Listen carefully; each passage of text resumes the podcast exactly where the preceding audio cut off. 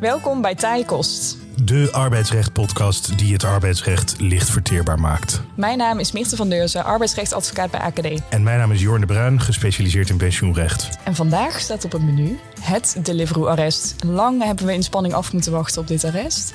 En vandaag uh, gaan we horen wat we, wat we hieruit kunnen leren. Ja, en om te voorkomen dat wij onszelf een uh, weg door het uh, Deliveroo-arrest moeten struikelen, hebben wij Pieter Schneider uitgenodigd. Pieter Schneider heeft zes jaar lang lesgegeven op de Erasmus Universiteit, uh, maar is inmiddels al ruim drie jaar verbonden aan AKD als arbeidsrechtadvocaat. Van harte welkom, Pieter. Dank jullie wel, dank jullie wel. Taaie Kost en Deliveroo. Ja, dat moet vaker in, in één adem genoemd zijn, denken jullie ook niet? Ja, licht verteerbaar en uh, Deliveroo daarentegen. Ja, hier ligt de uitdaging voor jou, Pieter. ja, misschien zegt het meer iets over wat ik bestel, uh, bestelde bij uh, Deliveroo dan anderen. Goed, goed. Ja, goed. Pieter, op 24 maart hebben we het arrest uh, zien verschijnen. Waarom heeft iedereen hier nou zo lang in spanning op gewacht? Ja, daar zijn verschillende redenen voor. Uh, ik denk dat, dat de eerste uh, reden is uh, gelegen in de rechtsvraag. de rechtsvraag, dat is de aloude kwalificatievraag. Is er sprake van arbeidsovereenkomst of niet? oftewel, voldoet een bepaalde werkrelatie aan de wettelijke definitie van de arbeidsovereenkomst? En, en breng ons even in herinnering, wat, wat hebben we daarvoor nodig? Er zijn vier kenmerken die, die in die definitie aantreft. Dat is arbeid, of beter gezegd de verplichting om arbeid te verrichten loon, gezag en gedurende zekere tijd. Nou, dat lijken tamelijk eenvoudige elementen, maar ja, de praktijk is toch wel weer barstig. Het is niet eenvoudig en misschien is het bij platformwerk al helemaal niet eenvoudig om uh, de arbeidsrelatie te kwalificeren. En waarom is het daar extra lastig? Dat, is ook, dat is ook verschillende redenen. Ik denk in de eerste plaats omdat bij uh, platformwerkers er niet altijd zo duidelijk een verplichting is om te werken. En bovendien maakt het ook niet zoveel uit wie uiteindelijk uh, de gig doet. Dat één. En dat roept de vraag op: is er dan wel een arbeidsplicht, een verplichting om arbeid te verrichten? Uh, twee is dat het gaat om uh, toch vaak uh, relatief eenvoudig werk. Of in ieder geval werk dat weinig instructies nodig heeft. en bovendien, die instructies worden dan gegeven via een algoritme. Dat roept de vraag op: is er dan gezag? En tenslotte zou, zou je kunnen zeggen dat ehm, bij platformwerker situatie zo is dat niet alleen het platform, maar ook de platformwerker het eigenlijk aantrekkelijker vindt om niet te werken op basis van een arbeidsovereenkomst. Dat laatste klinkt alsof jij ook gesponsord wordt door, uh, door de, de platformwerkgevers. Uh, waarom zou een platformwerker liever geen arbeidsovereenkomst willen? Ja, ik denk dat dat te maken heeft met uh, misschien de grotere flexibiliteit. Wat hem dus zit in de mogelijkheid om klusjes te weigeren. En misschien ook in de hogere beloning die je als ZZP'er nou eenmaal kunt, uh, kunt opstrijken in verband met ja, bepaalde fiscale ondernemersvoordelen. Oké, okay, nou, dan, dan hebben we genoteerd het belang van die rechtsvraag, arbeidsovereenkomst of niet. Ja, dat is één reden waarom er werd uitgekeken naar het uh, delivery arrest. Een andere reden is dat uh, deze, dit is een rechtsvraag en die uh, heeft eigenlijk meerdere belanghebbenden. Die komt niet alleen op in deze vraag in de relatie tussen de, de werkverschaffer en de werkende, maar die kan ook opkomen in relaties met derden. En denk daarbij bijvoorbeeld aan vakbonden, pensioenfondsen. Uh, en eventueel ook de Belastingdienst. Nou, de inzet is niet steeds hetzelfde. Uh, bij vakbonden gaat het dan waarschijnlijk uh, om of, de, of een bepaalde algemeen verbindend verklaarde CAO van toepassing is. Dat die moet worden nageleefd. Dit speelt overigens ook bij Deliveroo. Niet in deze zaak, maar in een andere zaak die nog voor de Raad moet komen. Waarin het gaat om de werkingssfeer van de CAO, beroepsgoederenvervoer over de weg. We, we kijken al rijkhalsend uit naar het tweede Deliveroo-arrest. Zeker, zeker. Um, bij bedrijfstak pensioenfondsen is de inzet dan uh, premieheffing. Zodat uh, nou ja, die, die uh, pensioenen kunnen worden gefinancierd. Ook dat speelt bij Deliveroo. omdat er ook weer een zaak momenteel onder de Hoge Raad is... waarin het gaat om de werkingssfeer van het pensioenfonds voor beroepsvervoer. en tenslotte de Belastingdienst. Um, daar kan de kwalificatievraag opkomen... omdat uiteindelijk de Belastingdienst ja, de premies uh, int, uh, waarmee de werknemersverzekeringen worden gefinancierd. Dus de ziektewet, de werkloosheidswet, de VIA uh, en tenslotte ook de inkomstenbelasting. We hebben in relatie tot die kwalificatievraag bij de Belastingdienst natuurlijk gezien dat we de verklaring voor de arbeidsrelatie hadden. We hebben de wet DBA gehad. Um, nou, daar, zit nogal wat, daar zit nogal wat in. Ik heb niet het idee dat de Belastingdienst daar heel actief op handhaaft. Je hoort het niet vaak, hè? Uh, momenteel is er inderdaad een, een handhavingsstop. Uh, maar ik denk dat we, daar, dat we daar op een iets later moment nog eventjes over, over te komen, komen te spreken. Helemaal maar, goed. eh, maar wat je aanstipt, het is, het is dus ook een rechtszaak met nogal wat maatschappelijk, eh, maatschappelijk belang. Ja. Ehm, en de, de rechtszaak staat ook gewoon op de politieke agenda. Want ons, eh, ons huidige kabinet, maar ook voorgaande kabinetten zijn al langer bezig met, met de kwalificatievraag. En dan meer in het bijzonder met het verduidelijken van het gezagscriterium. Omdat dat toch het meest onderscheidende criterium is. Het criterium dat een arbeidsovereenkomst kan afscheiden van een andere overeenkomst. Ja, daar heeft het kabinet zich al over laten eh, adviseren. En het doel is dus steeds om een duidelijker onderscheid te krijgen tussen werknemers en ZZP'ers. En even die andere overeenkomst waar je het over hebt, dat is vaak een opdrachtovereenkomst. Exact, exact, ja. ja. Uh, en dan, dan kom ik op, op, op, nog twee andere redenen waarom dit uh, arrest uh, ja, de, de harten sneller heeft doen, doen kloppen. Nou, dat is kort, kort voordat het arrest eigenlijk zou verschijnen. In december is er een voortgangsbrief van het kabinet verschenen over werken als en met zelfstandigen. Daar komen we ook later op terug. en daarin lees je toch wel dat ook het kabinet uitkeek naar de, de uitspraak van de Hoge Raad. En dan als laatste, en het is iets meer voor de fijnproever, maar goed, dat past wel bij deze, bij deze podcast, is dat uh, voorafgaand aan het arrest heeft, uh, heeft de, uh, de advocaat-generaal, de AG, de adviseur van de Hoge Raad, een van de adviseurs van de Hoge Raad, een conclusie genomen van zo'n 100 pagina's. En daarin heeft ze gepleit voor toch wel een, een omwenteling. En namelijk dat bij de invulling van het gezagscriterium voortaan leidend zou moeten zijn, als vertrekpunt zou moeten worden genomen, wat zij noemt het inbeddingscriterium. En daar heeft de Hoge Raad ook toe uitgedaagd om dat over te nemen. Ja, en als we het dan hebben over dat inbeddingscriterium, dat betekent of je echt onderdeel uitmaakt van de onderneming van werkgever. Exact, exact. Nou, alle redenen dus om uit te zien naar het Deliveroo-arrest van de Hoge Raad. En uh, uh, spoiler alert, uh, ook, ook de Hoge Raad was van oordeel dat de bezorgers van Deliveroo werknemers zijn en geen opdrachtnemers of ZZP'ers. Nou, we, we, gaan er zo op inzoomen, maar alvast even vooraf. Ik heb op LinkedIn allerlei termen voorbij zien komen, waaronder dat dit het arrest van de eeuw is. Is dit het arrest van de eeuw? De eeuw is nog niet, nog niet zo, uh, nog niet zo uh, oud. Um, ik, denk dat, ik denk wel, als je nu een, een, een zou samenstellen, dat dit wel een van de. Hij komt er wel in. Zeg Hij komt maar. er wel in, ja. okay. ja, ja eens. nou, laten we beginnen bij het begin. Uh, alleen help me even, waar is dat begin? Want dat begint niet bij dit arrest in 2023. Dat denk ik ook niet. En als ik ergens een, een, een stip zou moeten zetten, dan zou ik misschien toch 2015 kiezen. Uh, in eerste plaats omdat Deliveroo in 2015 startte in Nederland. Maar misschien... en, en, en alle grote rechtsvragen beginnen daar nou eenmaal mee. ja, precies, ja. En, en op dat moment denk ik dat ook de kwalificatievraag... Uh, ja, op dat moment flink op de, ook op de politieke agenda uh, stond. Dat was toen naar aanleiding van het uh, VAR-stelsel... wat, wat toen nog gold. Um, ja, de ver verklaring arbeidsverhouding die we toen hadden. Zeker. Dus een, een systeem waarop, uh, op, op basis waarvan je als uh, zelfstandige kon werken. En de, de werkverschaffer, de opdrachtgever, was dan gevrijwaard van naheffingen van de Belastingdienst. De opdrachtnemer zelf niet. Dus het risico lag bij de opdrachtnemer. maar het, in de praktijk bleek het stelsel zo te functioneren naar verluid dat die verklaringen vrij makkelijk werden afge, afgegeven door de fiscus. Uh, en dat heeft geleid uh, tot wat men dan noemde draaidersituaties. Situaties waarin uh, bijvoorbeeld een bouwvakker op vrijdag nog werknemer was. En vervolgens die na het weekend op maandag als ZZP'er doorging. Kan veel gebeuren in het weekend. zeker, zeker. Um, dat, dat, dat, zien we nu natuurlijk ook hè, in de zorg en het onderwijs af en toe. Dat, dat mensen gewoon uh, ene dag werknemer zijn en ZZP'er uh, uh, een week later zijn. goed te weten dat het in 2015 ook al, ook al, zo, was. Ook al zo was. Ja, nee, eens. Je ziet de geschiedenis zich in die zin herhalen. En de, de politieke aandacht ervoor had toen te maken met ja, toch wel de vrees dat uh, ja, de werknemersverzekeringen niet meer gefinancierd konden worden. Dus dat er onvoldoende werd, uh, werd afgedragen.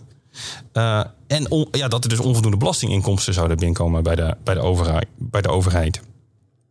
en los daarvan was ook wel de constatering dat dit systeem niet makkelijk te handhaven was door de Belastingdienst. Dus dat er veel, de gedachte was dat er veel schijnzelfstandigheid was, terwijl dat nou ja, onder de radar bleef. Dat is 2015. Dus dat, zeg maar, we gingen afscheid nemen van de VAR. Zeker, en dat doen we in 2016. De VAR wordt vervangen voor de wet DBA. Um, de opdrachtgever gaat niet langer vooruit onder de wet DBA, dat was de gedachte. Ja, en DBA, de, de deregulering, beoordeling, arbeidsrelatie. Ja, ja dus we gingen dereguleren, maar nou, of dat nou ging gebeuren, Ook wel debakel, uh, de wet debakel. Uh, want de wet bleek technisch onuitvoerbaar, ondanks de, uh, de, de, de gedachte om modelovereenkomsten aan de praktijk ter beschikking te stellen. Nou ja, om, om de praktijk tegemoet te komen. De praktijk was bijzonder ongerust over het functioneren van deze wet. He, is, al vrij snel na het invoeren van de wet DBA besloten dat de Belastingdienst niet zou gaan handhaven. En men noemt dit over, vaak het handhavingsmoratorium. En dat is overigens nog steeds van kracht. Ja, dus eh, dit is misschien goed om even te markeren. Sinds 2016 zegt de Belastingdienst. Ik wil graag dat voor werknemers aan mij premies worden betaald, sociale verzekeringspremies um, en loonbelastingpremies. Uh, maar ik ga niet handhavend optreden. Ja, neem niet weg dat de Belastingdienst op zich wel onderzoek ook doet. Uh, maar er is een belangrijke uitzondering uh, op dit moment van kracht. En dat is alleen in het geval van kwaadwillendheid. En kwaadwillendheid is dan evidente schijnzelfstandigheid. En die wordt dan opzettelijk uh, in stand gelaten of zelfs in, in de hand gewerkt. Uh, pas dan wordt de handhavend opgetreden. Maar dat is best een hoge lat. Dus daarbij zou je kunnen zeggen dat als je in een grijze situatie zit, dat je wat wiggle room hebt. Mm, je kan in ieder geval de eerste brieven van de Belastingdienst afwachten. Ja, voor, voor, voor, zover ik weet is er voor 2022 niet één keer kwaadwillendheid vastgesteld. Dus het is een hoge lat. Ja, eens. eens. Duidelijk, maar, maar er is natuurlijk, ook in anno 2016 was er wel een juridisch kader dat gold voor het aannemen van een arbeidsovereenkomst. Ja, inderdaad. Uh, ik, ik, zou dat juridische kader willen aanduiden als de, als de groen schroeversleer, die toen uh, heersend was. Uh, en die gaat terug op het gelijknamige arrest, Groen Schroevers uit 1997. en daaruit leiden wij op de universiteit altijd een soort handvattenplan af. Voor de beantwoording van de vraag of er sprake is van arbeidsovereenkomst of niet. Vier handvatten. Een handvattenplan. Ja, bestaande uit partijbedoeling, feitelijke uitvoering, eh, de vraag over sprake is van een zodanige gezagsverhouding. Uh, en dat je moet toetsen op de maatschappelijke positie. Dan kan ik me bij veel van die elementen wel wat voorstellen, maar een zodanige gezagsverhouding? Ja, uh, omdat, uh, zoals we eerder bespraken, uh, gezag het meest onderscheidende criterium is om de arbeidsovereenkomst af te scheiden van andere werkovereenkomsten. Ehm, en je, zou je in dat arrest kunnen lezen dat, ehm, dat er een onderscheid is tussen verschillende soorten gezag men kan spreken van, hoewel de Hoge Raad dat zelf niet zo zegt, maar van wat men dan noemt formeel gezag. Dus dat is met name uh, werkinstructies, maar dan uh, disciplinair. Dus niet zozeer op de inhoud van het werk, maar meer op de organisatie van het werk. En materieel gezag, en dat zijn wel die echte werkinhoudelijke instructies.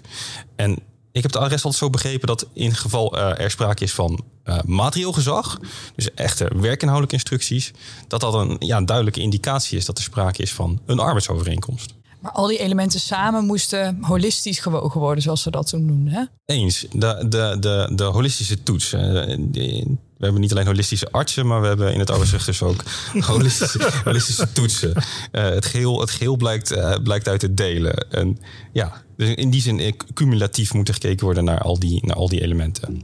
Nou, we zijn lekker bezig. Uh, maar toen kwam in 2020 uh, uh, X tegen gemeente Amsterdam. Eens. En X in 2020 daarmee markeert het einde van de groenschroeversleer, zou ik toch wel, toch wel zeggen. En markeert ook de start van de zogenoemde twee-fase-leer. Um, Kort over X gemeente Amsterdam. Dat ging over een, eh, een bijstandsgerechtigde. Die met behoud van haar uh, uitkering op een uh, participatieplaats ging werken voor de gemeente. En daar ook een, een vergoeding voor kreeg, een stimuleringspremie.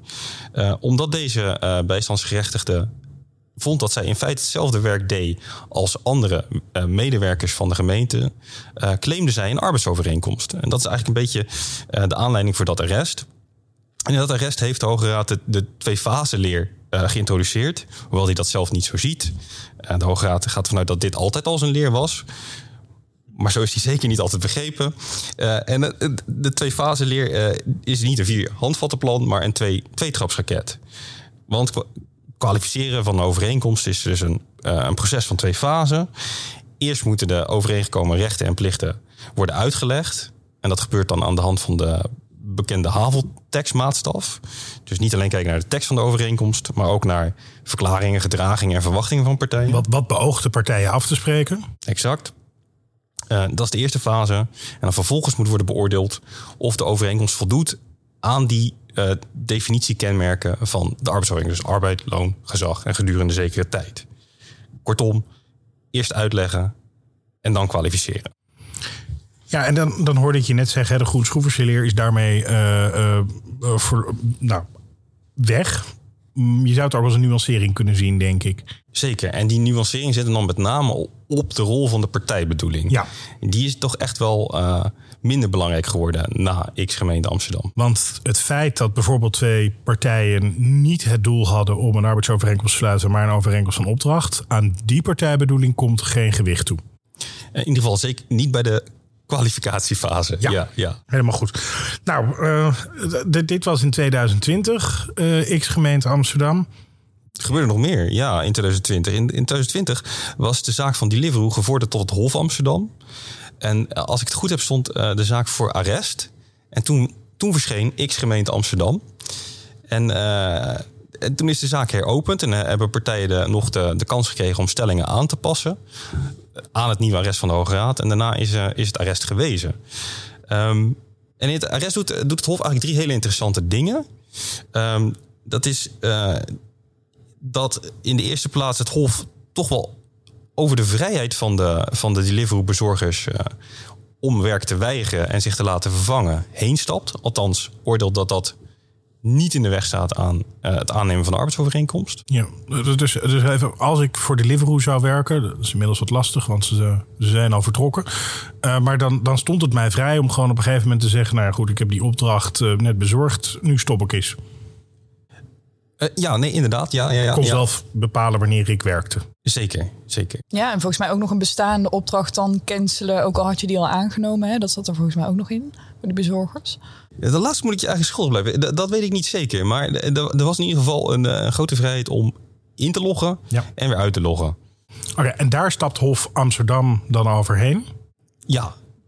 Um, en wat het Hof ook doet, is uh, bij het beantwoorden van de kwalificatievraag nogal wat betekenis toekennen aan, het, uh, aan de omstandigheid dat volgens het Hof uh, de, de gemiddelde Deliveroo-bezorger geen uh, ondernemer is, geen ondernemerschap, uh, niet te trekken van een ondernemer, dus geen ondernemerschap uh, vertoont en ontplooit. Terwijl dat is geen element dat we eerder echt als zodanig terug hebben gezien, toch? Nee, en als je in de wet zou kijken, zie je dat natuurlijk ook niet, niet zo staan. Dus dat was inderdaad een nieuwe, nieuw, zeker op dat, dat niveau, op het op hoofdniveau, dat dat zo werd, werd geoordeeld. En tenslotte kent het Hof ook betekenis toe aan het feit dat maaltijdbezorging, anders dan dat Deliveroo het Hof wilde, uh, wilde overtuigen. De kernactiviteit is van Deliveroo. Dus Deliveroo was toch een maaltijdbezorger en geen techbedrijf. Misschien toch een beetje een stapje richting die inbeddingsgedachte al hier. Ja, ik denk dat, dat je dat wel op die manier zo kan, uh, kan zeggen, ja. Oké, okay, dit was het Hof. We hebben inmiddels een arrest van de Hoge Raad. Wat speelde daar nou uiteindelijk nog feitelijk? Ja, nee, dan, ik denk we zo inmiddels het, inderdaad hoofdgerecht uh, gaan, gaan aansnijden nu. Ja. Nou, het, korte, korte feit, we hebben er al het een en ander over gezegd. Hè. De, Deliveroo doet iets met maaltijdbezorging. Dat doen ze op een bijzondere manier, want dat doen ze via een platform. Um, Deliveroo had bezorgers nodig toen ze in 2015 zich in, uh, in Nederland vestigden. Die noemen ze riders. Aanvankelijk waren die riders werkzaam voor Deliveroo op basis van arbeidsovereenkomsten voor een bepaalde tijd. En vanaf 2018 is dat veranderd. Uh, toen is Deliveroo partner agreements gaan sluiten met, met haar rijders. Uh, uh, waarmee ook uh, uh, duidelijk werd gemaakt dat. Heel even een partner agreement. De, die mensen werden vast niet allemaal partner bij een advocatenkantoor, stel ik me zo voor. hoe moet ik dat juridisch duiden? Wat is dat? Als een overeenkomst van opdracht. Ja. Dat was de gedachte. Dus we werken meer samen, meer dan dat jij in, mijn, in opdracht van mij of onder mijn gezag werkt. Dat is misschien ook wel een gedachte achter geweest. Nou ja, het, het partner agreement, je zou zeggen dat, dat, dat de aanduiding de, de, de, suggestie wil wekken dat ja. er een, een, bepaalde gelijkwaardigheid was. Ja, en niet precies. een ondergeschiktheid zoals ja. je bij een werkgever-werknemer uh, relatie uh, dan ziet. Um, die partner agreements waren in twee varianten: een, een regular en een unlimited variant. Uh, de fiscale behandeling was anders. Uh, want alleen bij de unlimited variant uh, werden er, uh, werd de btw-afdracht vond, er, vond er plaats. En dat, dat past denk ik, dat is een kenmerk voor ondernemerschap zou ik zeggen. Dat doet daar wel meer aan denken, in denken, ja, die, die manier van, van factureren en, en belonen. Um, en, de, en de bezorgers werkten via een Rider-app. Um, de Rider-app had, een, had eerst een ander systeem, maar vanaf, vanaf uh, het moment dat het Hof zich erover ging buigen, uh, was het free login systeem uh, figurerend. en, daar, en dat gaf dus die grote vrijheid om zich aan te melden en om. Um, nou ja, ook om zich te, zich te laten vervangen door anderen. Op, nou, in ieder geval op vertoon dan van een legitimatiewijs door die, door die anderen. Ja, dus even, ik, ik kon gaan rijden voor Deliveroo. En als ik dan dacht, nou, het regent vandaag, dan ga ik met Mooi niet naar buiten. Dan kon ik zeggen tegen jou, Pieter, wil jij niet anders voor mij die opdrachten gaan doen? Exact. En dan kreeg die ander te maken met uh, jouw app en het algoritme van, uh, van Deliveroo. Met Frank. En Frank bood dan bestellingen aan. En dan alsnog konden die bestellingen. Frank is Engelstalig. Het is niet Frank. ja, ik denk dat het algoritme niet alleen een Nederlands algoritme was, maar. Ik zou het niet weten. maar goed, goed, ik dacht dat hij gewoon Frank was, maar hij was misschien wel heel eerlijk. Maar goed. Ja, ja, ja vrij was hij ook. Hè? ja. Uh, en uh, een vast bedrag per bestelling, uh, dat kan nog zeggen over de feiten. En waar op zich bonus te verdienen, dat was afhankelijk van het aantal bezorgingen. Nou, in, in, dit samenstel van omstandigheden en een aantal omstandigheden die nu weglaat, zag, het, zag de kantonrechter Amsterdam toch voldoende bewijs voor, voor het bestaan van een arbeidsovereenkomst. Dus die partner agreements werden geherkwalificeerd door de, eerst door de kantonrechter Amsterdam als arbeidsovereenkomsten, met alle gevolgen van dien. En daarna is dat oordeel nog eens bekrachtigd door het Hof te Amsterdam. Kortom, allemaal uh, arbeidsovereenkomsten. En toen dacht Deliveroo op een gegeven moment: God, waar gaat dit heen? Uh, althans, dit is mijn invulling daarvan. Maar feit is dat Deliveroo inmiddels vertrokken uit is Nederland, uh, ja. uit Nederland is. Ja. ja, toch heeft dat de Hoge Raad er niet van weerhouden om, uh, om een aantal rechtsvragen die, die hem zijn voorgelegd te beantwoorden. Ik denk dat de Hoge Raad ook niet anders kon. Ik bedoel, dat daar, er lag een cassatieprocedure, daar moesten ze wat mee. Ja, eens. En in die cassatieprocedure stond, sta, staan denk ik uh, drie, drie rechtsvragen centraal. Um, ik som ze eerst op en dan zullen we het dan met elkaar, elkaar door, doorlopen. Lijkt me een heel goed plan. En ik denk de eerste vraag is of de, of de vrijheid van die bezorgers, dus de vrijheid om te werken en je te laten vervangen waar we over spraken, of dat nou verenigbaar is met een arbeidsovereenkomst. De tweede vraag is of de overeenkomsten uh, van, de, van de bezorgers uh, ook overigens voldoen aan de zes, 16 elementen. En dan in het bijzonder aan het uh, gezagselement. En de derde vraag was of het, uh, het betrekken uh, bij die toetsing van uh, het ondernemerschap, of eigenlijk het ontbreken van ondernemerschap, geoorloofd is. Nou, als we dan even beginnen met die, die vrijheid van de bezorgers. Hè? Dus dat is de vrijheid om zelf de opdracht te cancelen of om in ieder geval te stoppen met het aannemen van nieuwe opdrachten. Ja, en daar is de Hoge Raad duidelijk over dat dat um, toch niet uitsluit dat er sprake kan zijn van een, van een arbeidsovereenkomst. En wat interessant is aan, uh, aan de rechtsoverweging, maar ik hoop niet dat het daarmee te tijd wordt, maar is dat. Dat uh, hopen wij ook. laten we het inderdaad ja, met jullie op uh, licht verteerbaar houden. Uh, is dat de Hoge Raad dat, dat oordeel, dus dat het een niet onverenigbaar is met het ander, onderbouwd met verwijzingen naar nogal oude arresten. Arresten over vakantiewerkers, waarin, uh, waarin die werkers ook een zekere vrijheid hadden om wel of niet op het werk te verschijnen. En een arrest over appelplukkers, uh, die een bepaalde vrijheid van komen en gaan hadden. Zo staat in het arrest. Maar wat, wat ik opvallend vind... En, en, en desondanks, we hadden desondanks die appelplukkers en die vakantiewerkers... die waren toch allemaal werknemers? Zeker, zeker. Uh, wat ik opvallend vind aan, aan de verwijzing naar die arrest is... is ten eerste dat, maar dat is mijn eerste lezing van die arrest... dat is oud, ik kende ze niet... is dat het toch lijkt te gaan... Uh, die overwegingen gaan over het gezagselement. Daar waar hier het punt denk ik is opgebracht door Deliveroo... meer in de context van het arbeidselement. Van is er nou wel een verplichting om arbeid te verrichten? En is dat een persoonlijke verplichting? Precies, precies. En wat dan ook nog wel opvallend is, is dat een ander oud arrest dat je hier misschien eerder zou verwachten, dan weer niet is genoemd door de Hoge Raad. En dan doe ik op een uh, arrest over een krantenbezorger, dat wel heel duidelijk ging over de arbeidsplicht. En dat in, ja, in dat arrest uh, niet leidde tot, een tot de kwalificatie van uh, die overeenkomst als een arbeidsovereenkomst. Bij gebreken van een arbeidsplicht. Dus de plicht om arbeid zelf te verrichten. En, en nou zitten we heel erg op de vierkante millimeter.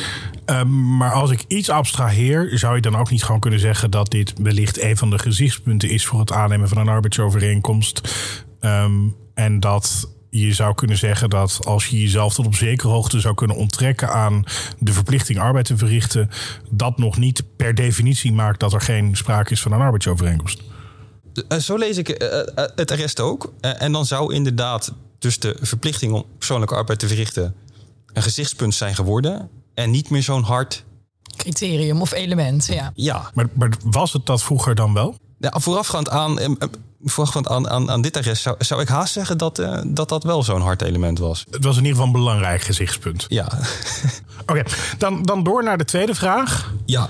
Ehm, ja dat, dat was de vraag of eh, de, de, de, eh, de, de overeenkomsten ehm, voldoen aan bijvoorbeeld ook het gezagscriterium. Ja. Ehm, en, en wat zei de Hoge Raad daarover? Nou, het interessante daaraan is dat de Hoge Raad heel duidelijk de advocaat-generaal eh, niet volgt.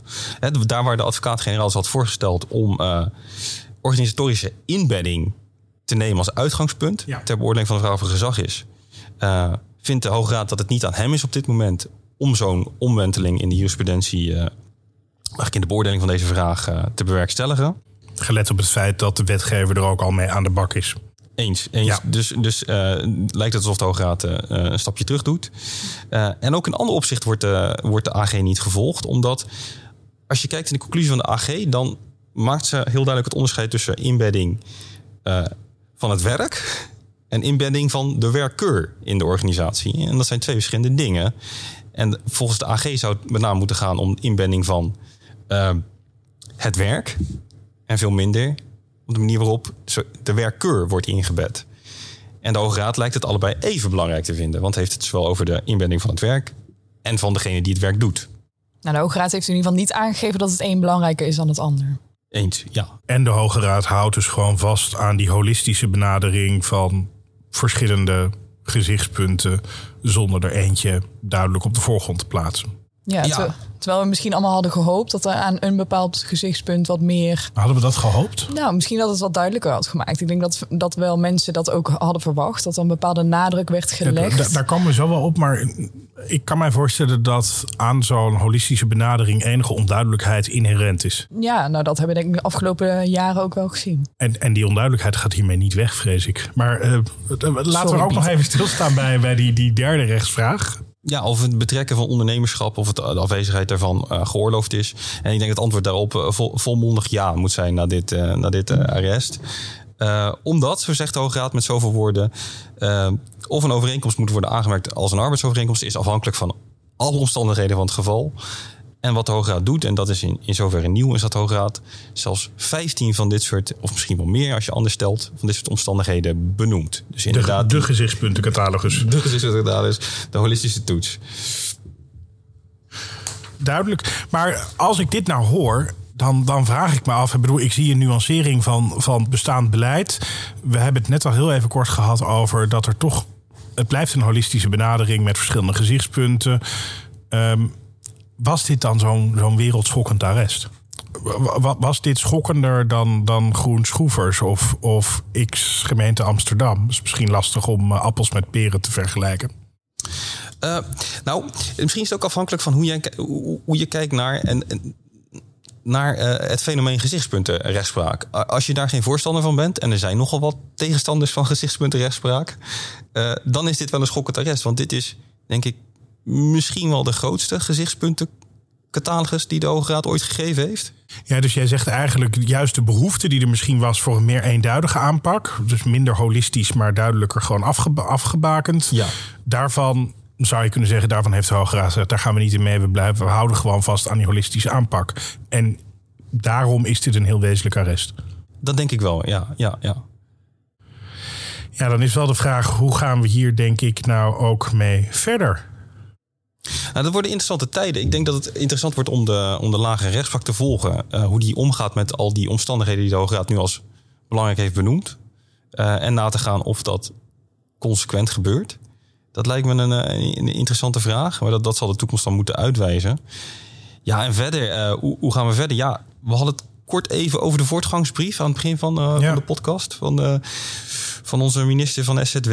En, en daar wordt toch ook wel eh, een toekomst eh, uitgestippeld. En, en, en die verloopt langs drie lijnen.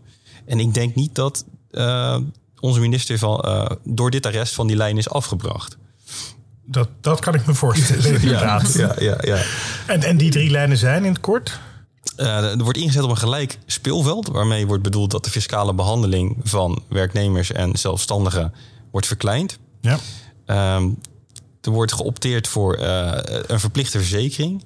tegen arbeidsongeschiktheid voor zelfstandigen. Ik, ik ken wat sociale partners bij een pensioenakkoord die dat zouden toejuichen. En, en, en nog meer? Uh, dat is de eerste lijn. De tweede lijn is dat het gezagscriterium wordt verduidelijkt. En dat gaat aan de hand van uh, hoofdelementen, drie. En die worden dan weer nader uitgewerkt. De vraag is nog even hoe dat precies gaat gebeuren. Maar die, de, de gedachte is wel dat die worden uitgewerkt door de wetgever. Maar we krijgen hoofdelementen. Wat, zijn die hoofdelementen? Uh, achtereenvolgens uh, materieel gezag, daar hebben we het over gehad. Organisatorische inbedding. Hey. Uh, daar is die. En, en de aan- of afwezigheid van ondernemerschap. Ja, en dat gaan we dan weer nader uitwerken wat daarmee bedoeld is. Dus ik zie nog meer gezichtspunten. Ik denk dat die inderdaad in het verschiet, uh, verschiet liggen, ja. En de handhaving, staat daarvoor nog iets op de Dat is de derde agenda? lijn. Ja, dat is de derde lijn. De, uh, het handhavingsmoratorium uh, is nu de gedachte, wordt per 1 januari 2025 opgeheven. En er wordt extra capaciteit beschikbaar gesteld binnen de Belastingdienst om die handhaving ook handen en voeten te geven. Ja, wat, wat ik bij zelf afvraag is, want dit betekent dus feitelijk dat die Belastingdienst dus eigenlijk weer aan de slag moet, aan de bak moet met die gezichtspuntencatalogus, die dan op een andere manier wellicht een beetje geordend is. Dat ik voorzie uitvoeringstechnische problemen. Ik zou me kunnen voorstellen dat handhavend optreden van CAO-politie op bedrijfstak pensioenfondsen ook een duit in het zakje zou kunnen doen. Nou, ik zou, ik zou toch wel denken dat, dat, dat dit arrest uh, ze een steuntje in de rug ook geeft. Dus ze zal ze niet uh, minder schuwer hebben gemaakt om, om handhavend op te treden. Inderdaad, om uh, pensioenfondsen om inderdaad uh, te, te, zoeken naar, naar, naar, naar, meer aansluiting. dank in ieder geval voor, voor jouw komst, Pieter. Voordat we je laten gaan, heb jij nog een paar belangrijke takeaways dan samenvattend van dit arrest? Ja, zeker. Dat probeer zo kort mogelijk te doen. Uh, ik denk dat opvallend is dat de, dat de Hoge Raad zelf dus geen aanleiding ziet voor rechtsontwikkeling. Ten aanzien van de omstandigheden die, die de kwalificatie van de arbeidsovereenkomst bepalen. Laat, laat de Hoge Raad aan, aan, aan de wetgever. opvallend is ook dat de Hoge Raad een uitgebreide, dat, en dan denk ik voor het eerst, uitgebreide omstandigheden geeft. En dat ook ondernemerschap daarvan, een, daarvan deel uitmaakt. Hoge Raad oordeelt verder dat de vrijheid van ondernemers om zich uh, te laten vervangen om, en de vrijheid om zich niet op het werk uh, te, uh, te verschijnen, niet uitsluit dat er sprake is van een arbeidsovereenkomst. En als laatste is opvallend dat de Hoge Raad het, het, advies van zijn advocaat-generaal niet opvolgt en dus niet inbedding in de organisatie als het vertrekpunt van gezag wil, wil nemen. Nou, de Hoge Raad heeft gesproken. Wij hebben gesproken. Ja, het wachten is nu totdat de wetgever verder spreekt. Uh, hoe dan ook, Pieter, veel dank voor jouw komst. Ja, en aan de luisteraars thuis ook veel dank weer voor uw luisterend oor. En wilt u de uitspraken waar wij in deze podcast naar verwijzen nog eens rustig nalezen? Wij zullen die noteren in de show notes zoals gebruikelijk. Ja, en smaakt uh, deze podcast naar meer? Abonneer u dan op Taaie Kost, zodat u geen enkele aflevering meer mist. Wij gaan aan de koffie. Lekker.